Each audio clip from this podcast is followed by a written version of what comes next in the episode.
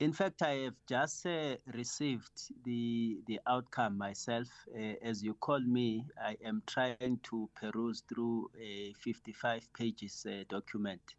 Uh, safe to say that uh, one has noted the order, uh, which sets aside the 2022 eighth regional conference, and of course, the provincial executive committee will then have to guide us on what will be the way forward. Uh, because as I speak to you, one is not privy uh, on any uh, decision that has been taken, uh, either to appeal or anything else. So, in the absence of an appeal and, and appreciating that you've only just received uh, the outcome as well, uh, what does this mean in terms of implications of the court's decision for the ANC's leadership structure in Ekurhuleni? Uh, it, it obviously creates a, a leadership vacuum, uh, and that is why I strongly believe that uh, the wisdom of the provincial executive committee will rein in, in order to ensure that uh, there is no vacuum in the leadership of the region. Um, and it is for that matter that I indicate to you that uh, the PEC will then uh, guide. Uh, and obviously, we do expect that this should be done within the shortest space of time uh, given the fact that there must be a leadership uh, to deal with issues of the organization, the politics, as well as governance, and more so uh, in preparation for the next uh, national and provincial elections.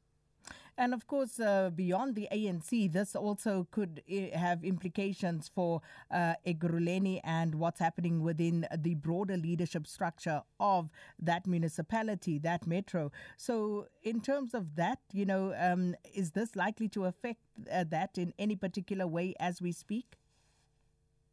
In in essence, uh, the court outcome, as it sets aside uh, the conference, uh, it means that uh, there is no valid leadership uh, of the regional executive committee, and hence I indicate that uh, the outcome itself, in the absence of an appeal, it creates a leadership vacuum. So. As we are sitting, we can firmly say that we are the regional executive committee because we must respect the outcome of the court and we will leave it, it to the provincial executive committee to be seized with the outcome and then uh, directs us uh, on what will then be the next move.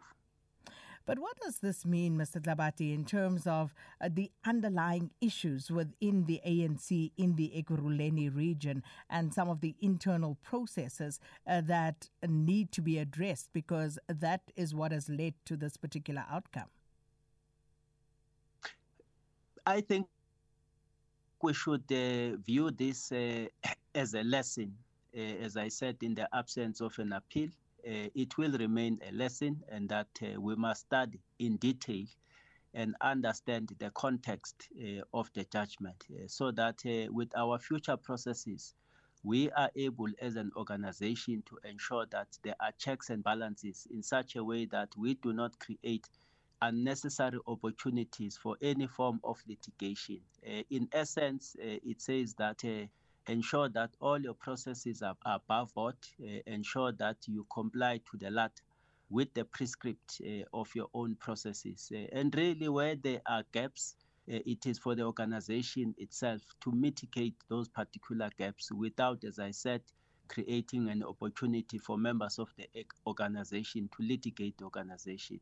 Uh, safe to say that uh, all of us do have the right uh, to litigate, uh, but I think as we belong to an organization, we should be comforted as members of that particular organization that all processes uh, are, are, above board. And as I said, I trust that uh, the wisdom of the PEC will guide us in the shortest space of time so as to ensure that there is no vacuum and that future processes that must culminate uh, to the election probably of the regional executive committee as such that uh, they pass the test uh, of all the internal processes. So, going back to your previous point about uh, the leadership now invalidated, so to speak, and we've seen the instability that coalition politics has brought about in not just Ekurhuleni but other metros and municipalities as well. So, if a move were to be made now by any of the opposition parties to try and reconstitute um, uh, a coalition in Ekurhuleni, as things stand right now, as per this court decision, will the ANC be able to participate in any council business? Well, I don't think that, uh, you know, on the basis of this outcome, uh, there will be any reconfiguration at this point in time. Uh, it's, it's not a decision that is done abruptly based on this outcome. As I said, there is still a process uh, for the Provincial Executive Committee or any other leadership structure above us uh, to make a determination on how we must move forward in fact, there should not be any temptation uh, to use this as a basis of creating instability in the local government. We are committed as the ANC to ensure that there is stability in local government. Uh, you might have uh, observed that uh, for almost 16 months, you know, local government was confronted with instability. So this this is just an organizational matter which the organization itself must actually pay attention to deal with it, mitigate without necessarily uh, causing further instabilities at the level of local government. Mm. Uh, I'm sure the opposition will be hearing none of that, uh, making sure that they perhaps get to make hay while the sun shines. But uh, we'll leave it there. Thank no, you. No, these are ANC uh, issues, not necessarily issues that affects the the other political parties insofar as governance is concerned. Well, we'll appreciate Sisaki. Yes, we, we appreciate that, but this could this could mean a shift where some within your own ANC who may have wanted to ascend to positions may see this as an opportunity.